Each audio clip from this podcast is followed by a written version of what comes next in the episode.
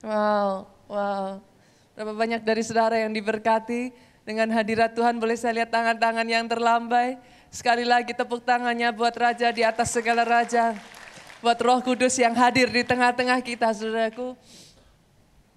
Ketika saya mempersiapkan firman ini saya baru tersadar saudara. Kita sudah masuk bulan September. Nggak berasa ya saudaraku ya. Tiga bulan lagi. Tiba-tiba saja saudaraku kita akan merayakan Natal. Pak, tiba-tiba kita mengakhiri tahun 2019. Tinggal tiga bulan lagi loh saudaraku.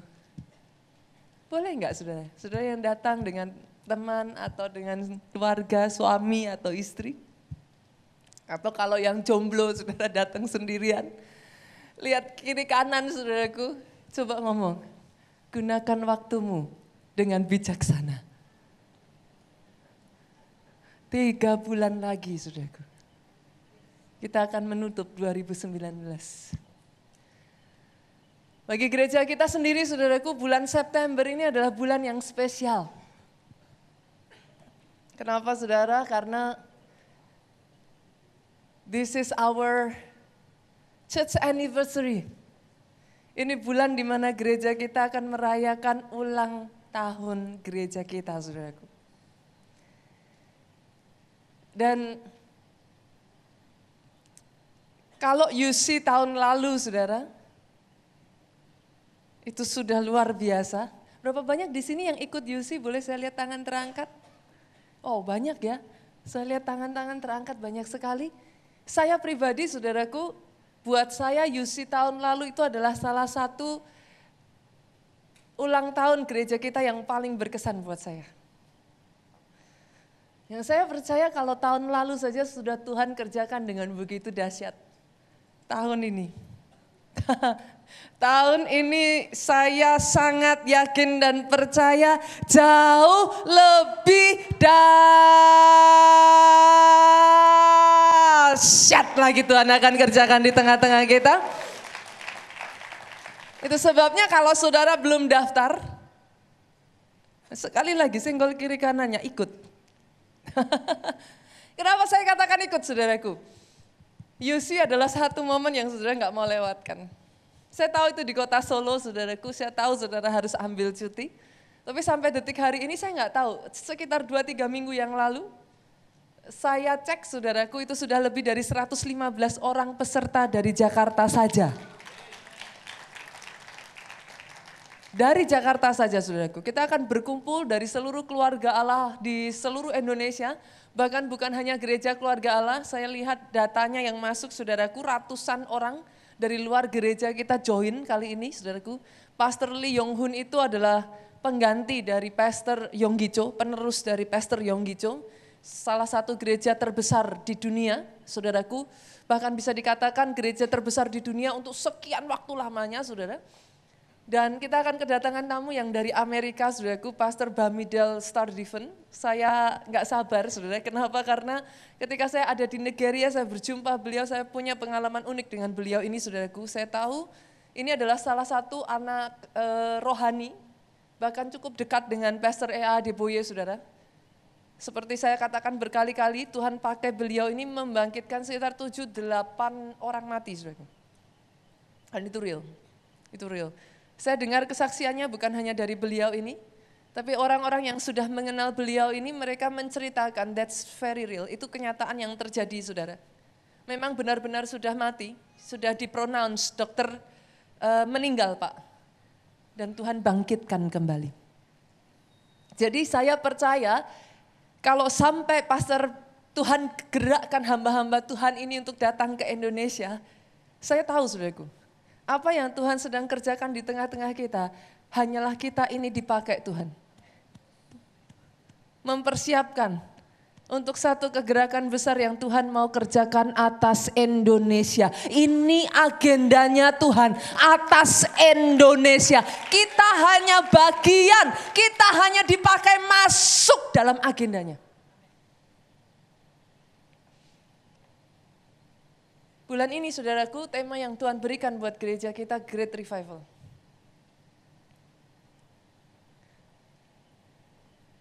Saya merasa saudara, dan saya tahu,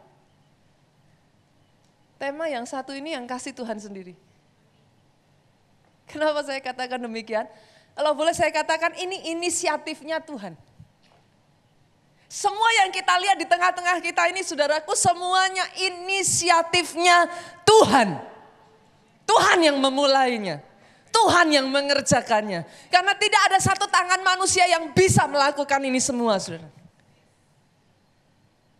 Kalau saudara ingat-ingat di gereja kita ini saudara, saudara cukup jeli. Tema yang sama ini Pak, kita ini sudah pakai dua tahun yang lalu di UC kita 2017. Kalau saudara masih ingat lagi, saudara cukup jeli saudaraku. Tema yang sama persis juga kita pakai kapan? Di tahun yang sama ini. Ada yang masih ingat?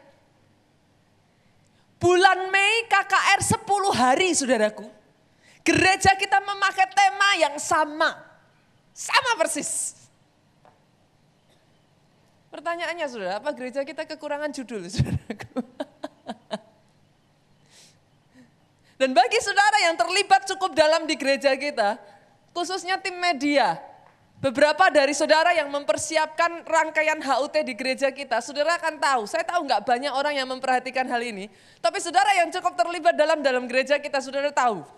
Sejak dari pertengahan awal saudaraku, gereja kita ini berapa banyak dari saudara yang mengerti khotbah di gereja kita ini nggak pernah ada saya khotbah hari ini disiapkan minggu minggu lalu saudaraku nggak ada saudara bahkan saya khotbah hari ini tidak disiapkan bulan lalu.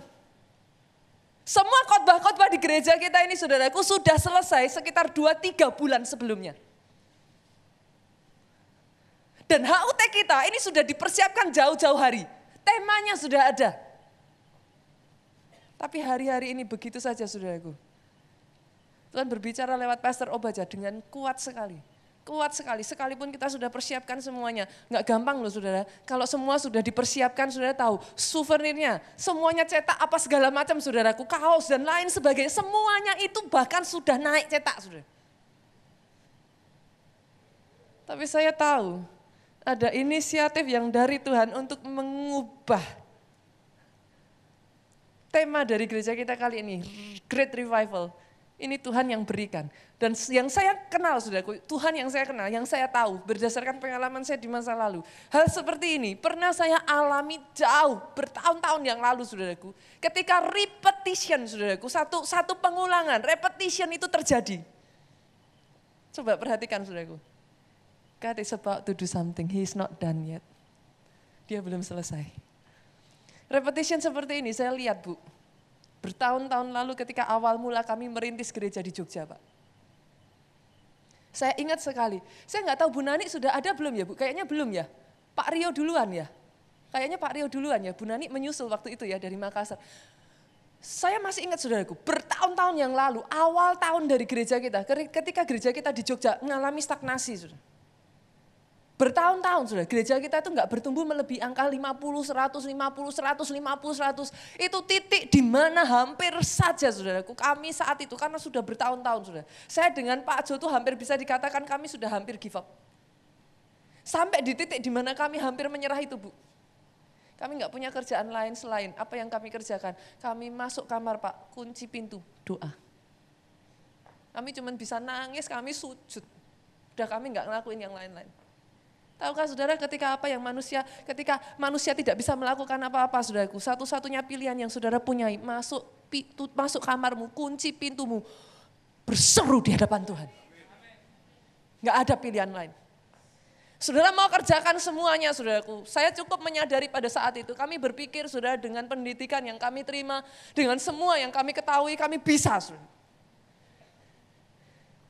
Tapi kami menyadari saudaraku dari awal gereja ini saya secara pribadi mengucap syukur. Dan saya menyadari, saya bersyukur sekali kalau Tuhan izinkan semuanya itu Pak. Kenapa Pak?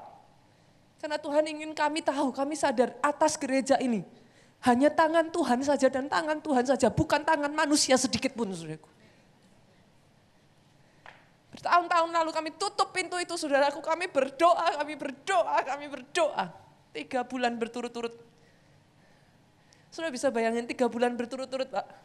sudah datang sebagai jemaat, kalau sudah ada saat itu, tema khotbahnya nggak berganti, doa. Tiga bulan bu, jemaat kalau datang salaman sama pelayan Tuhan, yang dibicarakan apa? Kira-kira mereka tebak-tebakan, minggu ini khotbahnya apa ya? Zaman sekian tahun khotbah belum dipersiapkan seperti sekarang ini. Setiap bulan mereka datang, mereka sudah langsung bilang kayaknya doa lagi. Mereka ketawa-tawa kayaknya doa lagi. Kalau saya bilang saudara, apa kekurangan judul? Yang saya tahu, coba saudara perhatikan ya. Ini terjadi sekian ribu tahun yang lalu. Pada saat Firaun mendapat mimpi, saudaraku. Satu-satunya orang yang bisa menerjemahkan Yusuf. Buka kejadian 41. Repetition terjadi. Kejadian 41 ayatnya yang ke-32. Jangan jangan ini Saudaraku, jangan meremehkan sebuah repetition. Ketika pengulangan itu terjadi terus Saudara. Lihat, Kejadian 41 ayat 32. Boleh nggak sama-sama kita baca yuk, 23. Sampai dua kali mimpi itu diulangi bagi tuanku Firaun. Coba apa kata Yusuf Saudara? Berarti apa? Hal itu telah ditetapkan oleh Allah dan Allah akan segera melakukannya. Berarti hal itu ditetapkan oleh Tuhan. Great Revival itu inisiatifnya Tuhan. Dan dia akan melakukannya dengan segera dengan segera. Saya perkatakan dengan segera. Hari ini saya deklarasikan saudaraku, saya deklarasikan saat ini saya deklarasikan. Karena yang saya tahu saudaraku, pengurapan itu turun dari atas ke bawah. Selama saudara nempel dengan pokok anggur,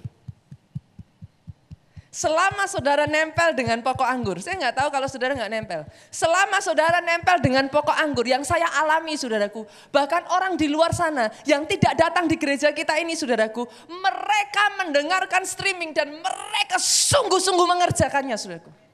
Saya saksikan saudara, beberapa minggu yang lalu saya kedatangan satu satu keluarga saudaraku dari Surabaya.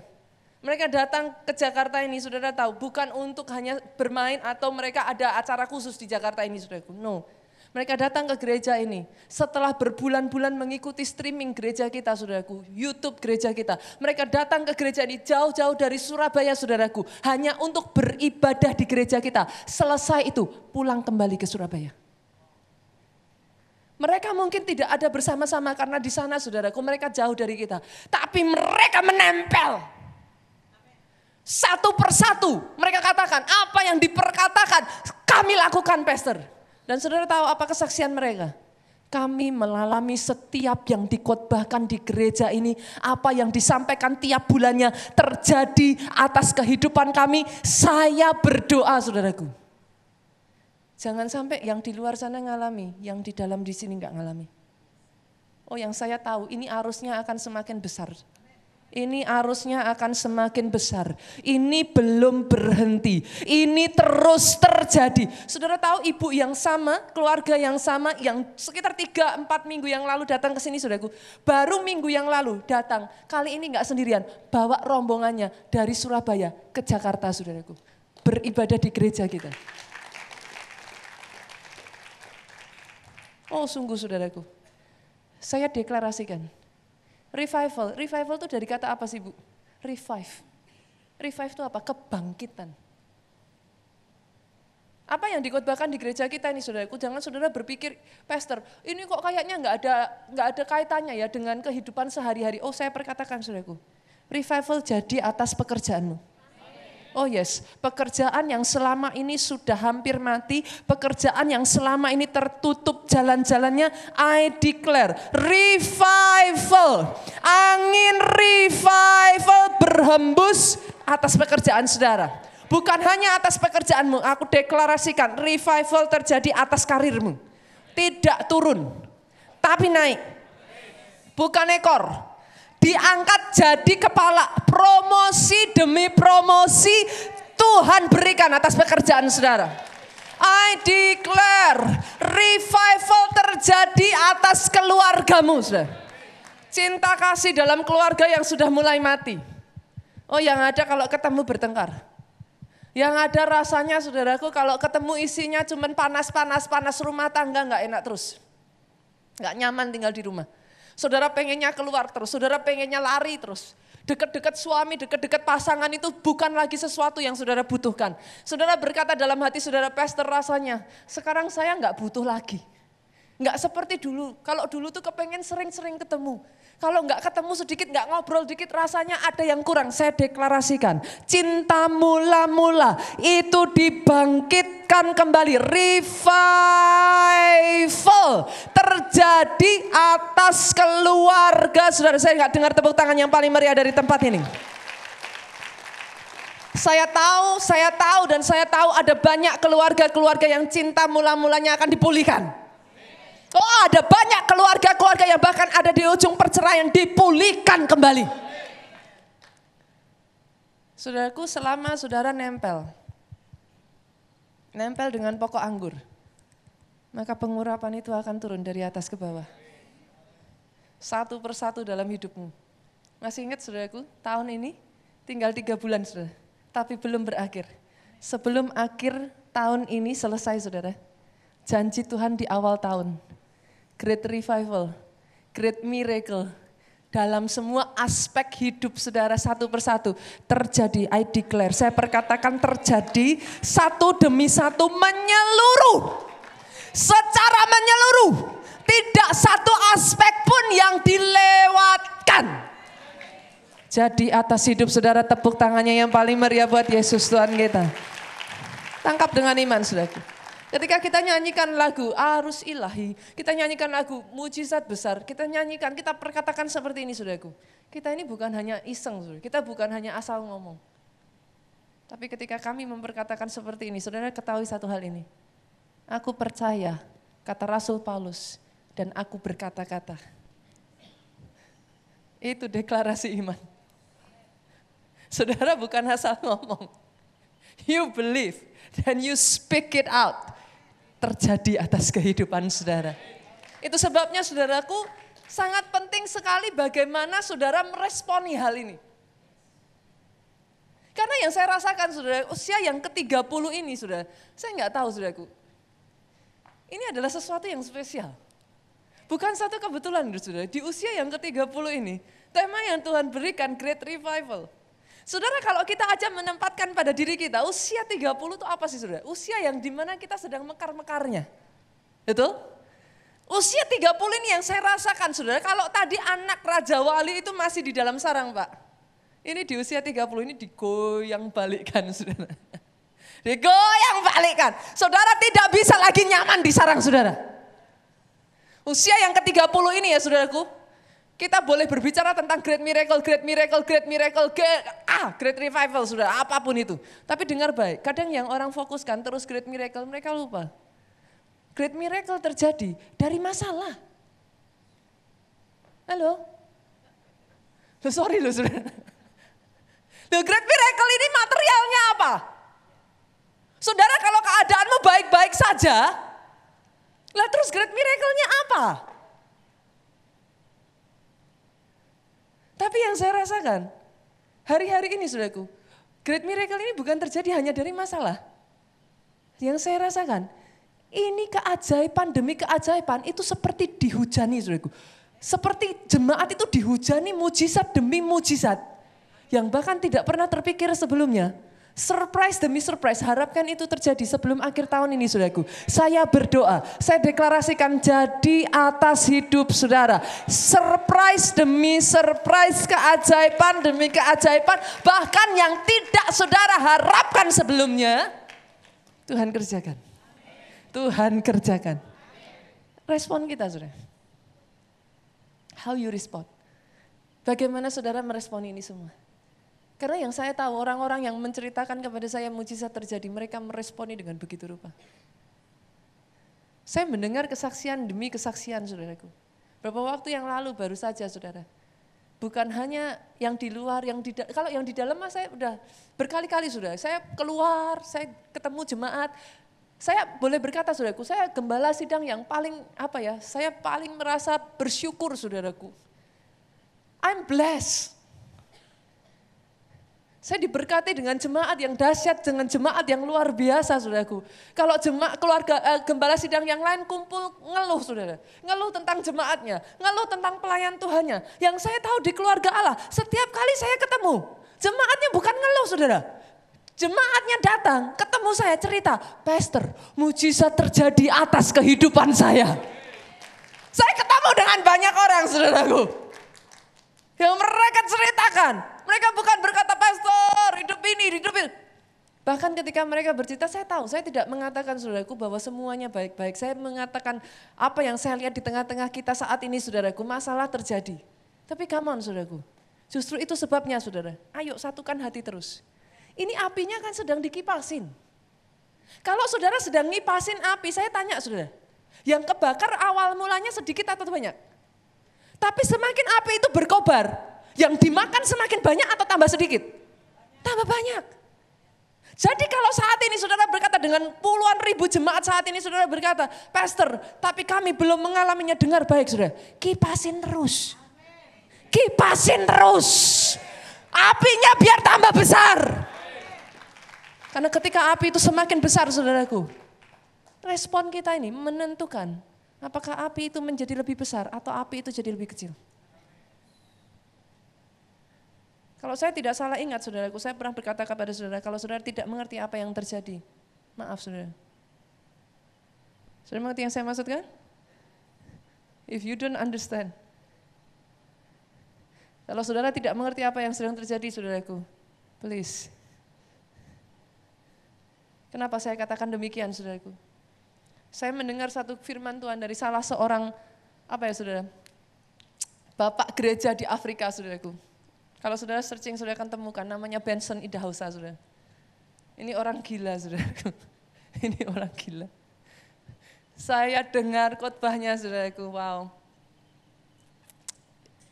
Iman saya dibangkitkan, saudaraku. Saudara tahu apa yang Benson Idahausa katakan, saudara? Pastor, dia, dia, dia berkhotbah seperti ini. Kalau ada orang datang kepada saya dan berkata, Pastor, why it doesn't happen to me? Pastor, kenapa yang saya alami justru sebaliknya? Pastor, kalau orang bertanya kepada saya, Pastor, apakah Pastor tidak pernah merasakan ada ketakutan? Itu muncul di dalam hati Pastor. Sudah tahu apa yang dia katakan, saudaraku? Ketika saya ada di tempat tidur, saya mendengar perkataan Pastor Benson Idahosa ini, saya tertawa keras, saudaraku. Dia berkata, ini yang dia katakan, saudaraku. Ini yang saya akan sampaikan kepada saudara.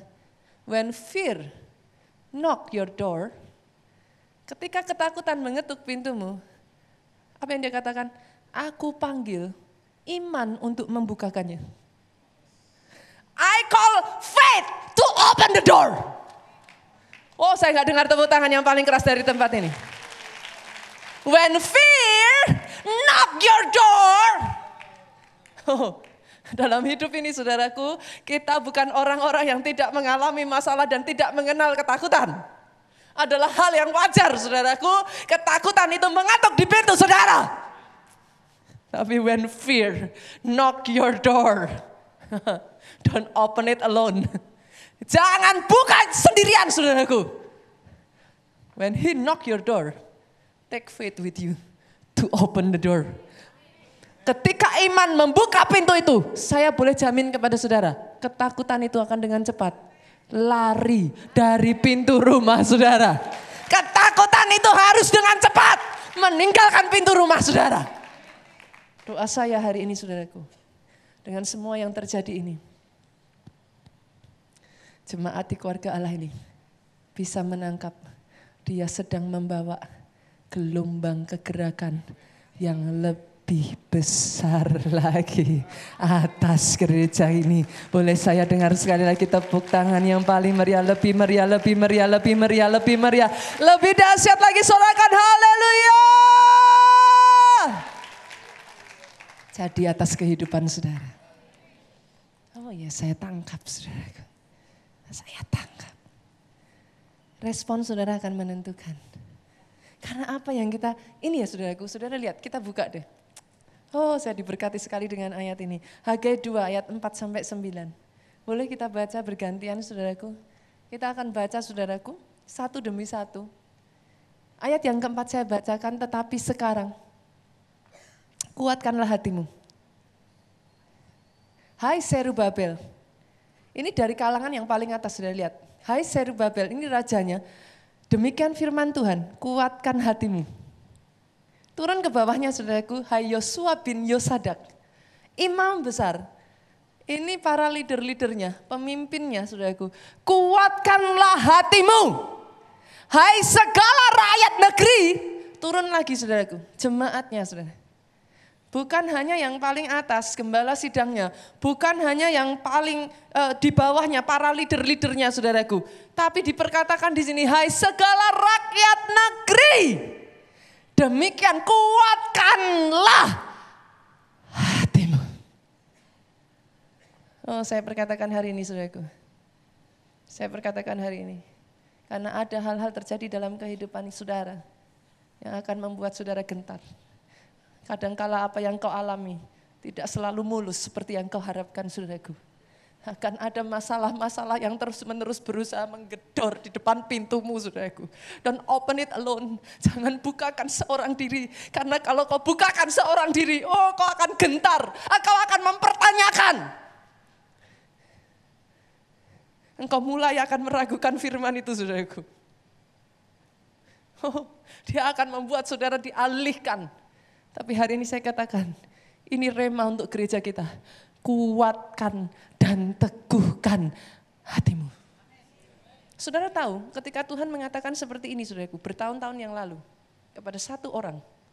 Saudara tahu apa yang terjadi setelahnya? Siapa namanya? Yosua. Perkataan ini diberikan Tuhan kepada Yosua. Dan saudara tahu apa yang terjadi setelahnya? Setelah 40 tahun bangsa Israel berputar-putar di padang gurun saudaraku. Ini perkataan yang sama yang diberikan kepada Yosua. Kuatkan hatimu, kuatkan hatimu, kuatkan hatimu. Karena bagi Tuhan janjinya itu udah pasti saudaraku. Oh janji Tuhan itu sudah pasti. Tapi ingatkah saudara saya berkata, kita ini bukan hidup atas dasar janji. Tapi perjanjian. Kitabmu bukan kitab janji lama, janji baru loh saudara. Halo? Saudara kalau baca, kitab saudara itu namanya apa Pak? Perjanjian lama, perjanjian baru. Yang namanya perjanjian nggak ada satu pihak. Yang namanya perjanjian dua pihak. Bagiannya Tuhan itu sudah pasti. Janji Tuhan itu no compromise. Terserah saudara percaya nggak percaya, itu pilihanmu. Mau saudara nggak percaya, juga janji Tuhan itu tetap tidak tidak perlu diragukan, saudaraku. Itu pilihanmu.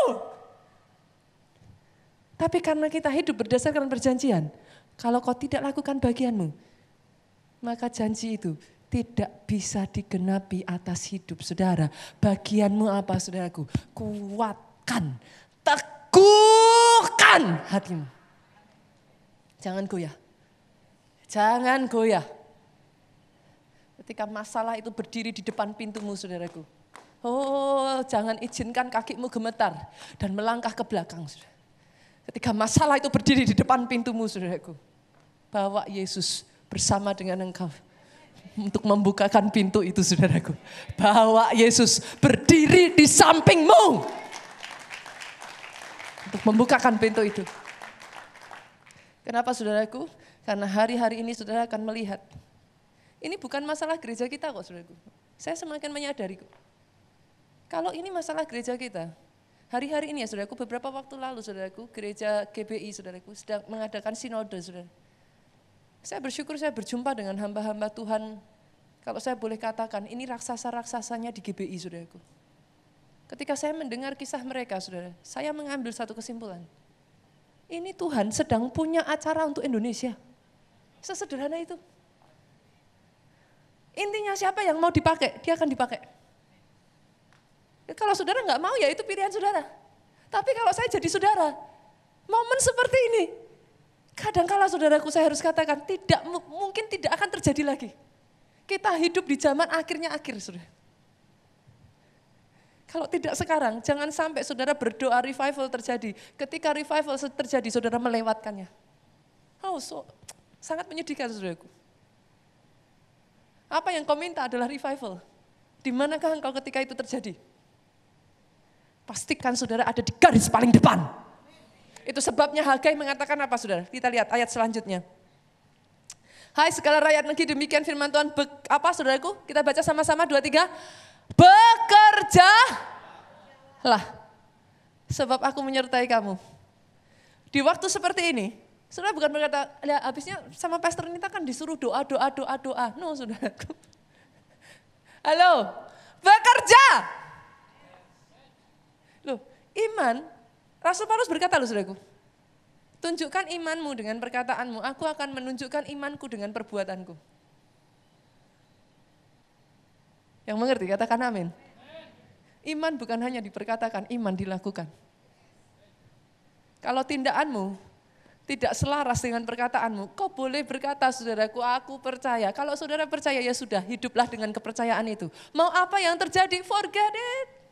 Kan saudara percaya. That's it. Perkara saudara sudah melihat atau saudara belum melihat, oh urusan nanti saudaraku. Urusan nanti. Kenapa? Bahkan saudaraku, iman Abraham kalau saya boleh ngomong saudaraku, ini waktu di mana kita punya iman. Imannya iman Abraham, saudara. Iman Sadrak, Mesak, Abednego. Saudara bukan iman karena melihat. Yesus berkata, engkau percaya karena kau melihat. Berbahagialah orang yang tidak melihat, tapi percaya. Hari-hari ini orang Kristen imannya, imannya kadang-kala membuat saya sedih saudaraku. Dan saya bertobat, saya pun bertobat saudaraku. Saya belajar saudara. Karena kadang kita mempercayai Tuhan kita itu hanya karena kita melihat, saudara. Tapi tahukah saudara apa yang dikatakan Sadrak Mesak Abednego? Kalau Tuhan tolong aku, puji Tuhan. Tapi kalau Tuhan tidak tolong aku, aku tetap tidak akan menyembah Allah lain. Saudara tahu iman Abraham? Bahkan dia tidak hidup untuk menyaksikan janji Tuhan itu digenapi. Sorry saudara. Itu dibutuhkan iman yang kokoh. Itu sebabnya sampai detik hari ini dia disebut bapak orang beriman. Sebab sekalipun tidak melihat dia percaya. Anak-anak Tuhan, come on, ini bukan saatnya saudara jadi lembek, bukan saatnya saudara jadi apa sih saudaraku, capek loh saudara, berputar-putar pikirannya cuman apa ya yang bisa kita dapat apa ya. No, this is not the time. Ada agenda besar Tuhan saudara atas Indonesia ini dan Tuhan certainly mau pakai saudara. Ini waktu bekerja. Ini waktu bekerja. Saudara tahu di Afrika apa yang membuat kegerakan begitu rupa saudaraku? Dahsyat. Saya baru dengar kemarin ini saudara. Saya pikir yang saya lihat tahun lalu 16 juta Saudara pernah lihat 16 juta orang kumpul jadi satu? Itu penduduk Jakarta, sudah. Saya pikir itu sudah dahsyat, saudaraku. Tapi yang saya salut, saudaraku, saya salut dengan Pastor E.A. Adeboya. I respect him. Saya salut dengan beliau, kenapa saudaraku? Oh, yang saya lihat, saudaraku, dia nggak berhenti sampai di situ. Saudara tahu, Tuhan yang kau sembah itu selalu tertarik dengan yang lebih besar. Dia bukan Tuhan yang stuck. Dia bukan Tuhan yang maintaining. Mempertahankan. No. Setiap dia melihat bejana saudaraku yang mau dipakai yang imannya kuat. Ini kata kuncinya, iman saudara.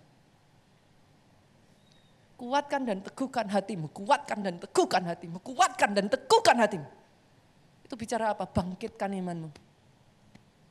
Pastor ya di Boya saudara. Saya dapat kabar bulan Agustus kemarin, mereka dalam satu tahun tuh ada beberapa kali konferensi saudara. Bulan Agustus kemarin, saya pikir 16 juta itu sudah banyak sudah. Mereka sudah menembus angka 16 juta. Saya nggak tahu, mungkin hampir 18 juta sudah terlampaui tahun ini sudah. Nanti Desember kami berangkat ke sana lagi, saya nggak tahu sudah berapa saudara. Dan saudara tahu apa yang beliau katakan kepada jemaat jemaatnya? Di ulang uh, di acara kemarin Agustus saudaraku. Ini yang beliau katakan. I pray saya berdoa Tuhan memberikan anugerah kepada setiap jemaat di tempat ini untuk berdoa day and night. Day and night. Sudah tahu apa yang dia lakukan? Dia sedang membakar. Dia sedang mengipasi apinya. Sudah. Dia mendorong jemaatnya berdoa day and night. Day and night. Day and night. Wow, I'm amazed saudaraku. Kenapa? Kita lanjutkan. Kita lanjutkan saudara. Ah, saya sangat diberkati sekali dengan ayat ini. Berapa banyak dari saudara yang tahu ini adalah rema untuk gereja kita katakan amin yang paling keras. Kita lanjutkan saudaraku. Kita lanjutkan. Sebab apa saudara? Aku ini menyertai kamu, demikian firman Tuhan semesta alam. Saudara jangan takut. Engkau bekerja, tapi bukan nol sia-sia. Engkau bekerja dan engkau akan melihat apa yang engkau kerjakan tidak seberapa, tapi yang dia kerjakan jauh lebih dahsyat. Yang mati karena dilempar batu dari atas lebih banyak dari mati karena pedang, saudara. Artinya apa? Dia yang berperang bagi saudara. Dia suruh saudara bekerja, tapi sesungguhnya dia menyertai saudara. Dia menyertai saudara. Dia menyertai saudara. Apa pun yang diperbuat tangannya dibuatnya berhasil. Ayat kelima yuk kita baca sama-sama dua tiga. Sesuai dengan janji yang telah kamu keikat dengan kamu pada waktu kamu keluar dari Mesir dan rohku tetap tinggal di tengah-tengahmu apa saudaraku? Jangan takut. Jangan takut. Berita yang saudara terima mungkin tidak selalu baik. Jangan takut, saudaraku. Jangan takut. He is still in control. Dia masih pegang kendali. Ayat yang ke-6 saya bacakan. Sebab beginilah firman Tuhan semesta alam. Sedikit waktu lagi sudah. Ini saudaraku. Oh saya Hai memes, sedikit waktu lagi, maka aku akan menggoncangkan langit dan bumi, laut dan darat. Ayat 7 bersama-sama dengan suara yang paling keras. Saya mau yang ini dibaca dengan suara yang paling keras. Dua, tiga. Aku akan menggoncangkan segala bangsa, sehingga barang yang indah-indah, kepunyaan segala bangsa datang mengalir. Maka aku akan memenuhi rumah ini dengan kemegahan firman Tuhan semesta alam. Berapa banyak dari saudara yang tahu, saudara di tempat ini, oh tepuk tangannya lebih dahsyat buat Yesus Tuhan kita. Ketika dia berbicara tentang rumah ini, bukan hanya berbicara tentang gereja. Bukankah saudara adalah gerejanya? Kita ini bait roh kudus. Dia akan goncangkan. Dia akan goncangkan. Satu persatu dari saudara dia akan penuhi dengan hal yang indah-indah. Saudara jadi orang Kristen nggak perlu munafik saudara. Saya perjelas. Rumah yang indah-indah Tuhan akan goncangkan itu. Mobil yang indah-indah akan Tuhan turunkan. Pekerjaan yang indah-indah, promosi yang indah-indah yang tidak pernah saudara pikirkan. Uh, serius, I'm, I'm being serious. Hari-hari ini, saudara, saya itu sampai kalau bisa melongo itu sudah melongo terus, saudaraku. Baru beberapa waktu yang lalu, betul ya Bu ya, ngerasain. Hari-hari ini benar saudara, saya itu isinya melongo dan melongo dan melongo. Kenapa saudara? Kalau saudara yang benar-benar masuk ya saudara, saudara kan bisa melihat, uh ini skalanya sudah lebih ngeri lagi saudara. Hal yang sepele aja saudara, beberapa waktu yang lalu adik saya itu kami ngobrol, kami cuma ngobrol saudaraku. Dia cerita, dia baru aja pindah rumah saudara, itu pun anugerah saudaraku. Ada ceritanya, itu mujizat buat dia saudara. Dia baru pindah rumah baru saudaraku. Tapi area rumahnya itu perumahan yang baru saudaraku, di apa namanya, eh, dibangun saudaraku. Jadi memang sebagian sudah jadi, tapi di klasternya dia ini, areanya dia ini saudaraku, banyak sebagian yang masih baru dibangun bersamaan saudara. Nah ketika dia pindah ke sana saudaraku, di sekitarnya ini masih berdebu bu. Betul ya, debunya ini. Dan kebetulan adik saya ini anaknya kecil, kedua masih kecil-kecil saudaraku. Yang satu baru umur 4 tahun, yang satunya masih bayi saudara. Belum setahun saudaraku. Sudah tahu sendiri yang namanya usia di bawah lima tahun. Ini ada dokter Dani di sini. Usia di bawah lima tahun saudaraku. Itu masih masih apa ya kekebalannya masih sangat rentan sekali saudaraku. Akhirnya adik saya ini cerita, aduh ini baru belum ada berapa lama pindah, anak-anak sudah sakit, sudah. Karena kena debu, kena debu, saudaraku. Dia tuh tanya sama saya, Ci, kan manggil saya Ci, saudaraku. Ci, apa ya eh, filter udara yang bagus? Karena kebetulan dia tahu saya pakai sudah di rumah. Saya cerita sama dia ini, ini, ini, saya ceritakan. Tapi menurut saya, saya bilang, saya yang sudah saya pakai ini sudah dari sejak saya menikah, saudaraku. Saya tahun ini tahun ke berapa ya? Tahun ini tahun ke-16 saya menikah, saudaraku. Dan puji Tuhan pernikahan saya itu bersamaan dengan ulang tahun gereja. Sudah. Jadi dulu ketika saya menikah, besoknya sudah langsung melayani, sudah. Hari ini menikah, besok nerjemahin, saudaraku. Itu pernikahan saya. 2003, sudah, saya menikah. Dari tahun 2003 sampai sekarang, saya cerita sama adik saya, ini masih awet. Udah kamu beli ini aja. Adik saya cerita, waduh, tapi mahal Ci katanya. Harganya mahal. Ya saya cuma senyum aja sudah, iya sih. Saya waktu itu juga dikasih berkat sih, saya bilang gitu sudah. Jadi saya juga nggak ngerti harganya berapa. Orang cuma dapat berkat doang gitu sudah. Akhirnya ada saya, waduh gimana ya Cik ya. Wah sudah kamu berdoa aja. Kamu berdoa, saya bilang. Saudara tahu, tidak berapa lama kemudian, dia sampai tertawa-tawa, dia melongo-longo, dia WhatsApp saya, dia katakan apa saudaraku? Cik, saya cerita hal ini cuma sama Cici. Tapi saudaraku, dia nggak cerita sama siapa pun. Tiba-tiba saudara, papa mertuanya itu baru beres-beres saudaraku rumahnya. Nemu filter ini. Ingat anaknya. Telepon sama anaknya, kamu butuh nggak filter? Anaknya denger filternya kayak apa-apa. Difotoin saudaraku. Kaget, kenapa saudara? Karena fotonya sama persis fotonya yang saya kasih ke adik saya saudara. Itu filter yang sama yang saya rekomendasikan sama persis yang saya punya saudaraku. Itu dikirim. Dan papa mertua adik saya ngomongnya sederhana. Papa nggak pakai, ini papa baru beres-beres. Kamu mau nggak? Kalau mau papa kirim. Saudara tentu saja tahu apa jawaban adik saya saudara. Nggak jauh-jauh, cepat dikirim gitu saudaraku. Hari-hari ini saudara, Saudara kan lihat, saudara kan dikejutkan. Saya baru saja kemarin dengar kabar dari Pastor uh, uh, Dokter Dani ya Pak. Enggak diharapkan sama sekali. Bahkan ini yang mengejar banyak sekali saudaraku. Mendapat gelar kehormatan saudaraku. Bahkan di Jakarta ini yang dapat gelarnya seperti ini, hanya dua orang saudara. Pak Dani cerita kepada saya, dia bercerita, Bunita saya tuh bahkan nggak minta saya bahkan enggak ini. Yang ngeprint mempersiapkan semua itu anak sama istri saya katanya saudaraku. Tapi kali ini yang diberikan bukan satu. Nanti mungkin boleh ya media boleh dimunculkan ya Pak Dani ya. Jadi satu kesaksian Pak. Yang diberikan gelarnya bukan satu saudaraku. Bukan gelar lokal di Indonesia, tapi gelar se-Asia juga. Dua gelar sekaligus Tuhan berikan begitu saja. Jadi hari-hari ini saudara akan melihat, saudara akan melihat yang indah-indah itu akan digoncangkan. Itu akan digoncangkan. Itu akan digoncangkan. Tapi kalau saudara terima semuanya itu, saudara tahu, jemaat keluarga Allah bukan jemaat kemarin dulu, bukan jemaat bau kencur. Yang enggak tahu kalau terima mujizat, hanya diam saja. Yang mengerti katakan amin. Oh jemaat keluarga Allah, kita tahu mujizat. Itu modal dari Tuhan saudaraku. Yang mengerti katakan amin. Modal untuk saudara apa? Modal untuk saudara apa? Saudara ceritakan, orang yang sama sekali di luar sana tidak mengenal Yesus sebagai Tuhan, mereka akan datang berduyun-duyun dan menyaksikan terangmu yang terbit atasmu. Itu nyata ada atas gereja ini. Tepuk tangannya lebih dahsyat lagi buat Yesus Tuhan kita.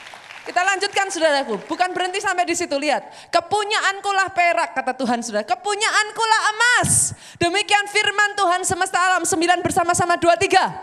Adapun rumah ini kemegahannya yang kemudian akan melebihi kemegahannya yang semula. Firman Tuhan semesta alam. Dan di tempat ini aku akan memberi damai sejahtera. Demikianlah firman Tuhan semesta alam.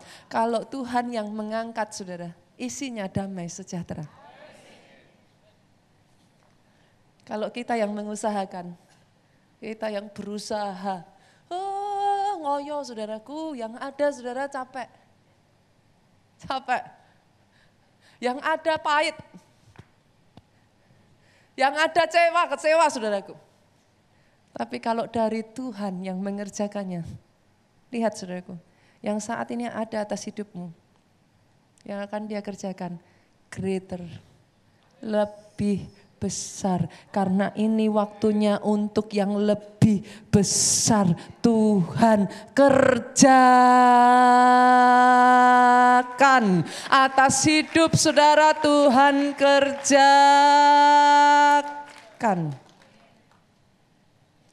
Dan isinya damai sejahtera. oh saudara akan bisa mengucap syukur dan berkata, Tuhan itu baik. Oh, semua yang tepat pada waktunya. Ketika saudara melihat ke belakang, saudara akan berkata, semuanya baik adanya. Itu sebabnya hari ini saudaraku, boleh nggak saya minta satu aja? Saudara boleh lupa semuanya, tapi jangan lupa yang ini. Jadi orang bodoh aja saudaraku.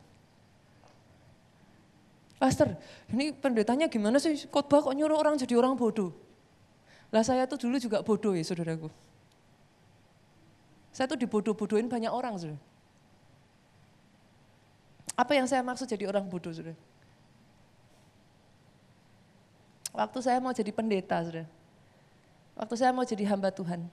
Satu keluarga besar kami itu keluarga bisnismen saudara. Saya yang pertama. Jadi ketika saya mau jadi pendeta, sudah, semua ngomong saya bodoh, sudah. Mereka sepakat mengatakan hal yang sama. Yang saya heran tuh kok bahasanya dari dulu nggak berubah ya Bu? Kamu jadi pendeta mau makan apa? Makan kursi gereja kok nggak berubah gitu loh saudaraku. Kok nggak makan kamera gereja atau apa gitu. Kok disuruh makannya kursi gereja gitu saudara. Saya pikir saya ngerti sih saudaraku. Dan waktu itu saya bisa berkata saya memang bodoh saudara. Saya terjun begitu saja saudara. Ketika saya berangkat ke Amerika, saya dibodoh-bodohin lagi saudara. Kalau ke Amerika itu cari gelar bisnis kayak kamu sekolah kuliah yang apa yang yang ini kalau ke Amerika ke Amerika kok teologi ya itu saya dibodoh-bodohin lagi saudara sudah dari Amerika mau ke Indonesia, saya dibodoh-bodohin lagi. Teman-teman saya di sana katakan kamu tuh bodoh ya. Di sini sudah ada kesempatan terbuka kok mau balik ke Indonesia mau cari apa? Sudah di Amerika saja.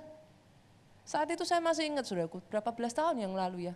Saya kerja waktu itu gaji saya, saya padahal kerja cuma dua jam seminggu, satu hari saudaraku. Sehari cuma dua jam saudara. Ya mungkin gaji saya itu sekitar ya mungkin hampir 6 jutaan saudaraku. Saat 15 tahun yang lalu. Dengan kerja dua jam sehari. Saya dibodoh-bodohin saudara. Kamu kerja di Indonesia, gimana caranya kamu bisa dapat?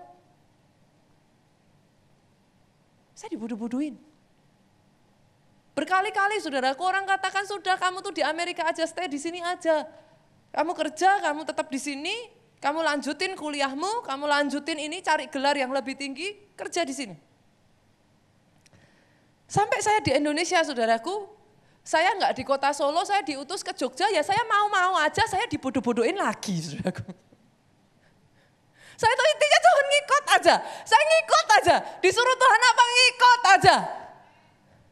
Percaya aja saudaraku.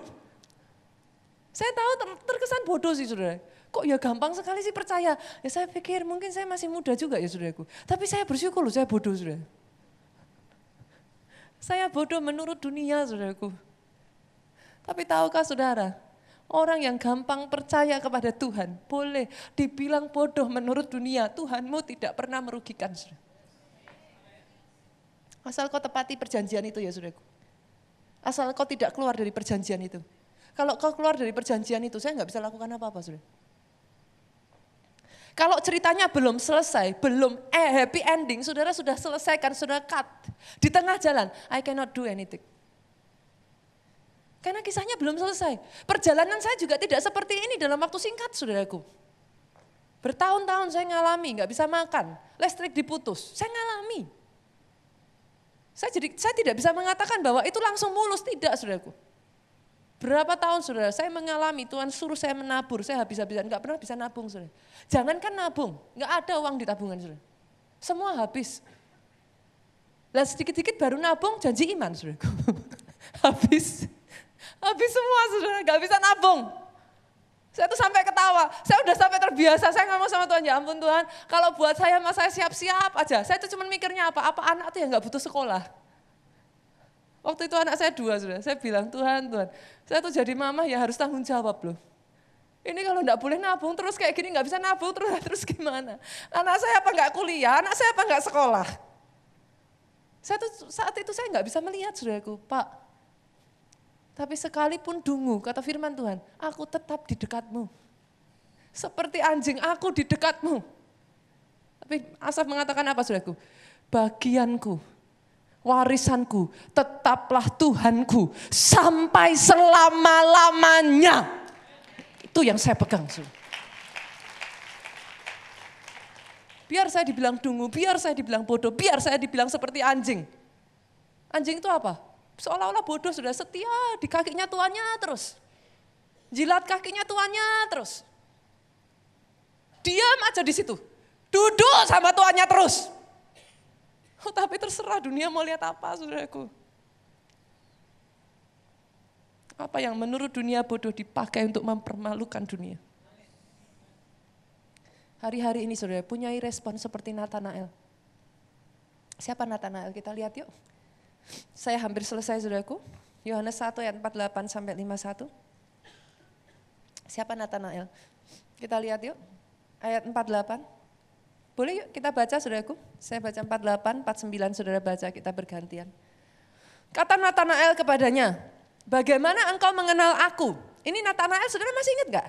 Yang kemarin urutan itu loh saudaraku. Andreas panggil Petrus. Petrus apa Filipus apa urutannya kemarin itu sudah saya lupa. Nah, Nathanael ini salah satu sudah. Kita lihat. Bagaimana engkau mengenal aku? Jawab Yesus kepadanya.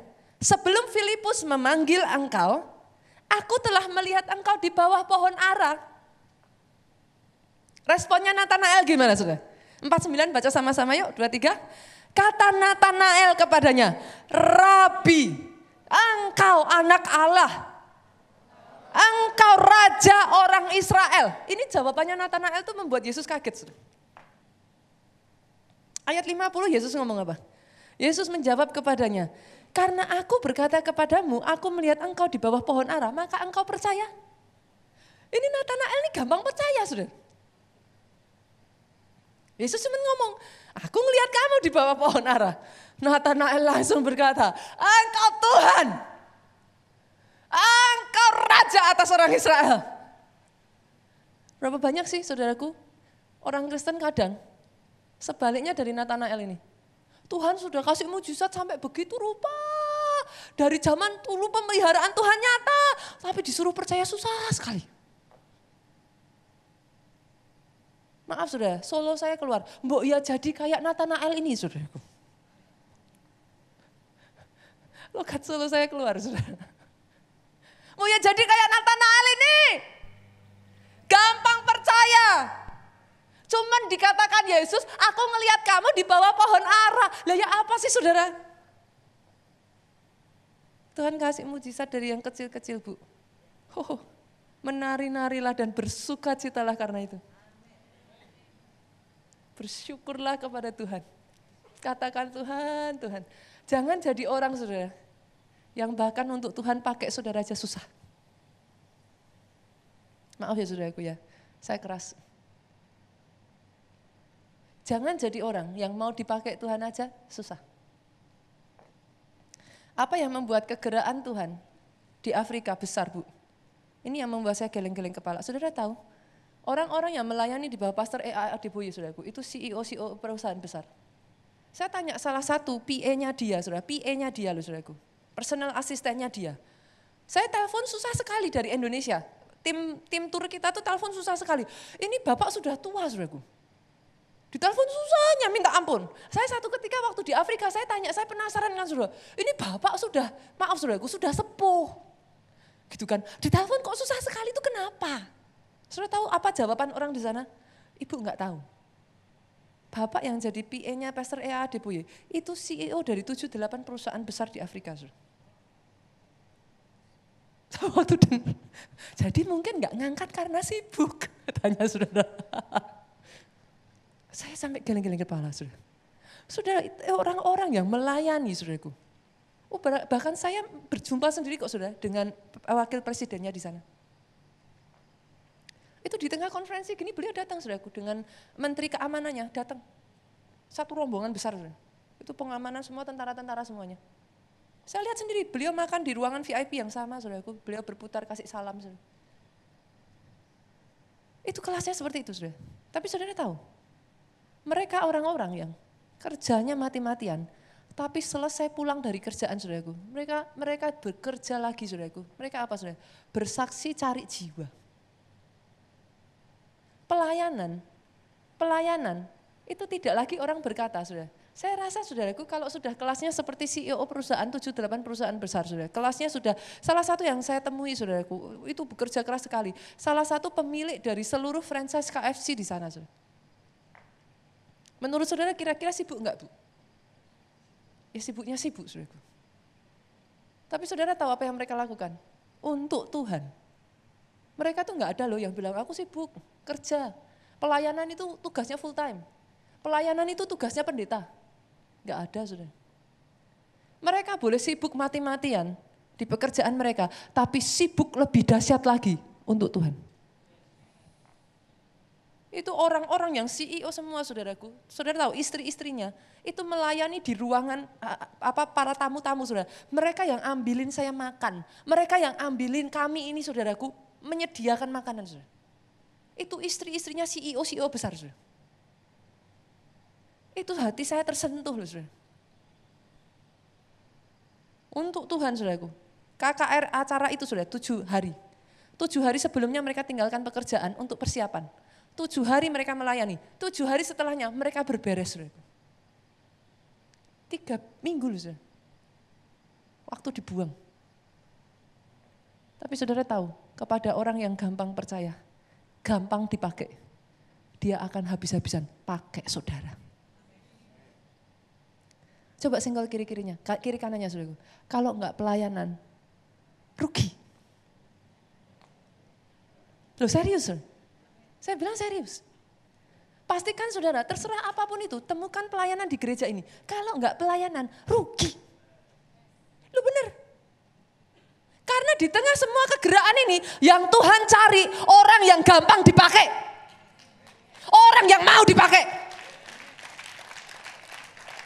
Sama yang lain saudara boleh jual mahal, sama Tuhan jangan pernah jual mahal. Sama Tuhan saudaraku, jadi bejana pak, tersedia lebar. Tuhan mau pakai apa bu, nggak ngerti, ikut aja.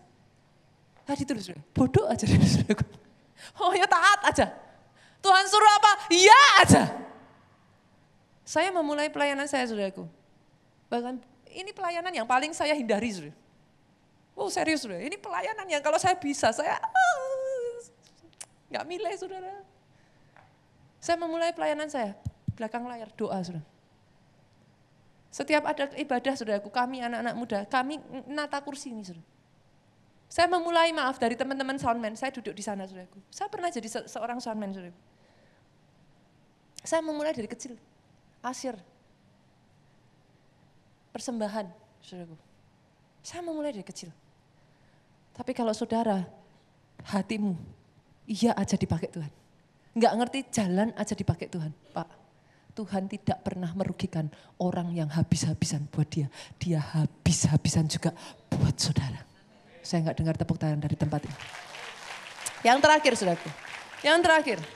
Saya ingin mengajak kita melihat angka 30 ini saudaraku. Pastor, jangan di apa ya?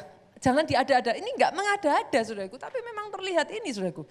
Saya merasa sudah angka 30 ini sangat spesial. Coba saudara lihat, angka 30 ini sesuatu yang menurut saya saudaraku, ini satu angka yang Tuhan akan bawa kita mengepak terbang tinggi saudara. Kejadian 41 ayat 46. Yusuf berumur 30 tahun ketika ia menghadap Firaun Raja Mesir itu. Maka pergilah Yusuf dari depan Firaun, dikelilinginya lah seluruh tanah Mesir. Artinya apa saudaraku? Yusuf diizinkan Tuhan mengalami semua pergumulan. Semua dari kita mengalami proses. Saudara kalau diproses, boleh nggak saya berkata berkali-kali saya ngomong ini, saudara, kalau saudara kecewa dengan pelayan Tuhan, kecewa dengan gereja, jangan berhenti, rugi. Lo beneran, yang rugi kita. Saya harus ngomong, yang rugi kita. Saudara kira saya nggak pernah ada di posisi itu.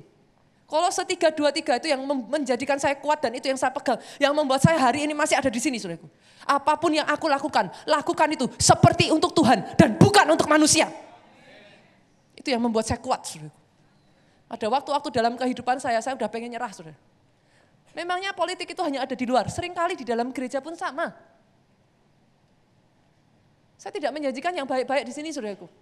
Kenapa? Karena orang yang di dalam gereja nggak semuanya malaikat. Yang mengerti katakan amin. Kita ini orang yang pengen sembuh. Bu, ini tempat rehabilitasi. Terus sesama yang mau sembuh, tabrakannya wajar tuh saudaraku. mau apa lagi? Jangan dikit-dikit mutung. Jangan jadi orang Kristen gampang mutung. Ih, malu saudaraku. Gelar apa? Orang Kristen gampang mutung gitu saudaraku. Janganlah saudara. Pindah gereja boleh, jangan pindah-pindah gereja. Kalau pindah gereja ya saya tahu wajar. Gak cuma dari sini pindah luar, dari luar pindah sini saya tahu saudaraku. Udah, saya sudah capek sudah kalau ada gembala sidang bilang, apa namanya? Apa sih? Apa saudaraku? Menjala di akuarium orang lain. Ah itu sudah bukan waktu kita sudah. Nggak usah jala di akuarium orang lain di luar banyak saudaraku. Lebih besar-besar yang di, di luar saudaraku. Kenapa mereka butuh Yesus? Yang di dalam sudah dapat Yesus. Itu tinggal sakit hati aja perlu dipulihkan kan gitu saudaraku. Tapi maksud saya come on. Jangan karena itu semua engkau tidak melayani. Jangan karena itu semua, saya harus katakan ini saudaraku. Karena gerakan akhir zaman ini butuh penuai. Tapi orang yang mau dipakai jadi penuai, oh God will reward you fully. Buktikan perkataan saya saudara. Usia 30 ini ya saudara. Ini usia di mana saudara sudah menancapkan kaki, terbang tinggi. Bukan hanya Yusuf, saudara lihat, kita buka ayat berikutnya, 2 Samuel 5 ayat 4. Apakah ini sebuah kebetulan? Saya rasa terlalu kebetulan untuk sebuah kebetulan, saudaraku. 2 Samuel 5 ayat 4. Daud berumur 30 tahun pada waktu ia menjadi raja. 40 tahun lamanya ia memerintah. Saya bukakan satu ayat lagi sudah. Siapa sudah? Yang berumur 30 tahun? Kita lihat, Lukas 3 ayat 23. Yuk kita baca 23. Ketika Yesus memulai pekerjaannya, ia berumur kira-kira 30 tahun. Dan menurut anggapan orang, ia adalah anak Yusuf, anak Eli. Angka 30 itu angka yang spesial, sudah. Jangan anggap biasa-biasa saja. Kegerakan yang Tuhan sedang kerjakan di gereja kita, jangan anggap biasa-biasa saja.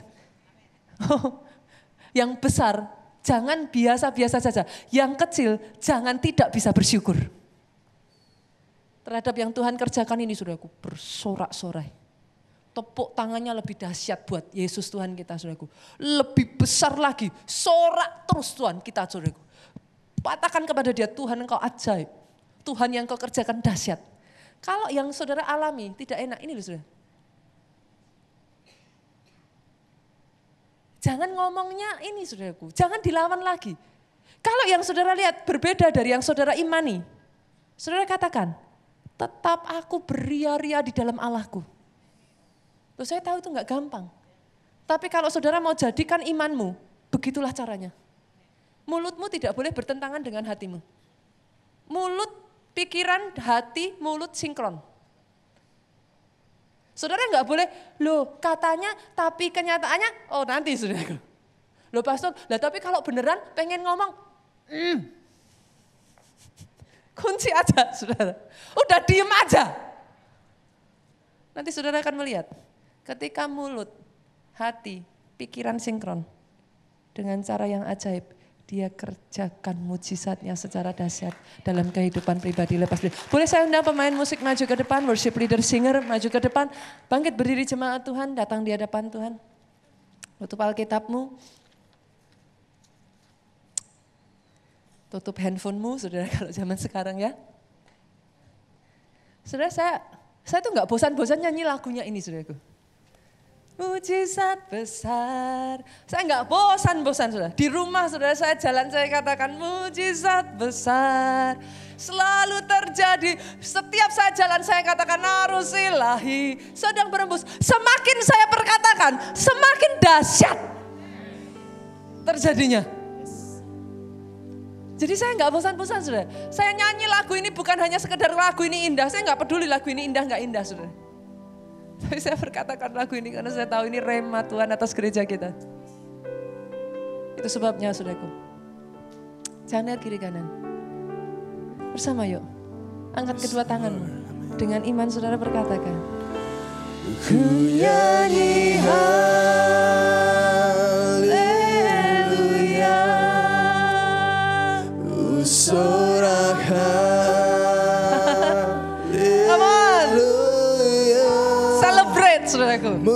Celebrate the goodness of God. pasti terjadi Rayakan semua kebaikannya, dalam hidupku. keajaibannya, kedahsyatannya. Kenyanyi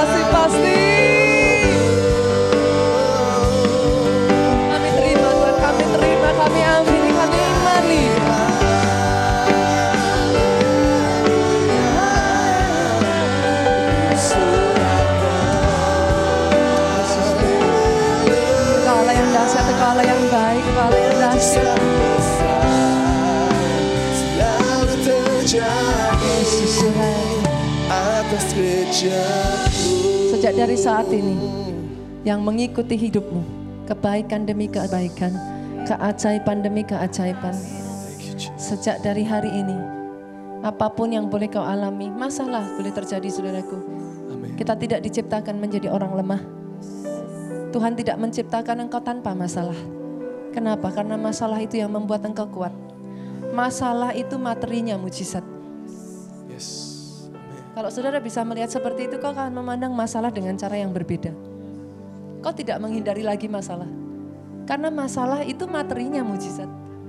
Kau tahu ketika ada satu masalah datang dalam hidupmu, ada mujizat yang lebih besar. Akan menyelesaikannya. Amin.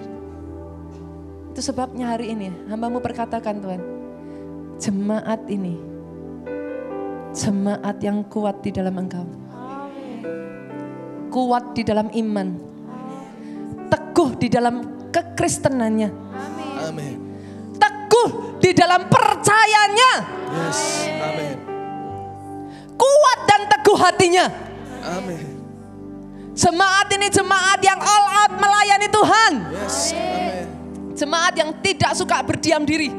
Jemaat yang tidak suka pengangguran. Jemaat yang tidak suka hanya diam saja. Jemaat ini jemaat yang bekerja untuk Tuhan, berguna untuk Tuhan, jadi alat kesukaannya Tuhan. Oh kami terima saudara. Terima saudara, terima saudara, tangkap itu saudara, tangkap, tangkap. Lebih baik jadi panci gosong karena dipakai Tuhan saudara. Daripada berkarat karena nggak pernah dipakai. Pegang itu sungguh-sungguh saudaraku. Oh aku mau Tuhan. Sampai kosong juga Tuhan. Biar Tuhan. Aku mau dipakai Tuhan habis-habisan. Selama masih ada nafas ini. Selama masih ada nafas ini. Nafas di badan ini Tuhan. Oh, hidup ini untuk Engkau. Hidup ini untuk melayani Engkau. Amin. Yes. Hidup ini bukan untuk dunia. Amin. Kami ada di dunia untuk membawa kerajaanmu turun ke muka bumi ini. Yes. Jesus. Hidup kami untuk menjadi saksimu. Memberitakan tahun rahmat Tuhan sudah dekat. oh yes. Ku nyanyi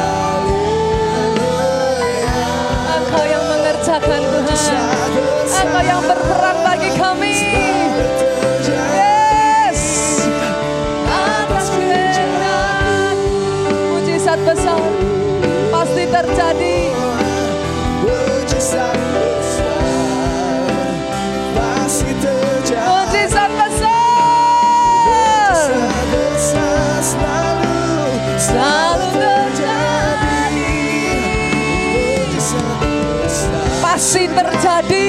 pasti terjadi. Atas siapa saudaraku? Sorak-sorak yang paling meriah buat Yesus dan kita.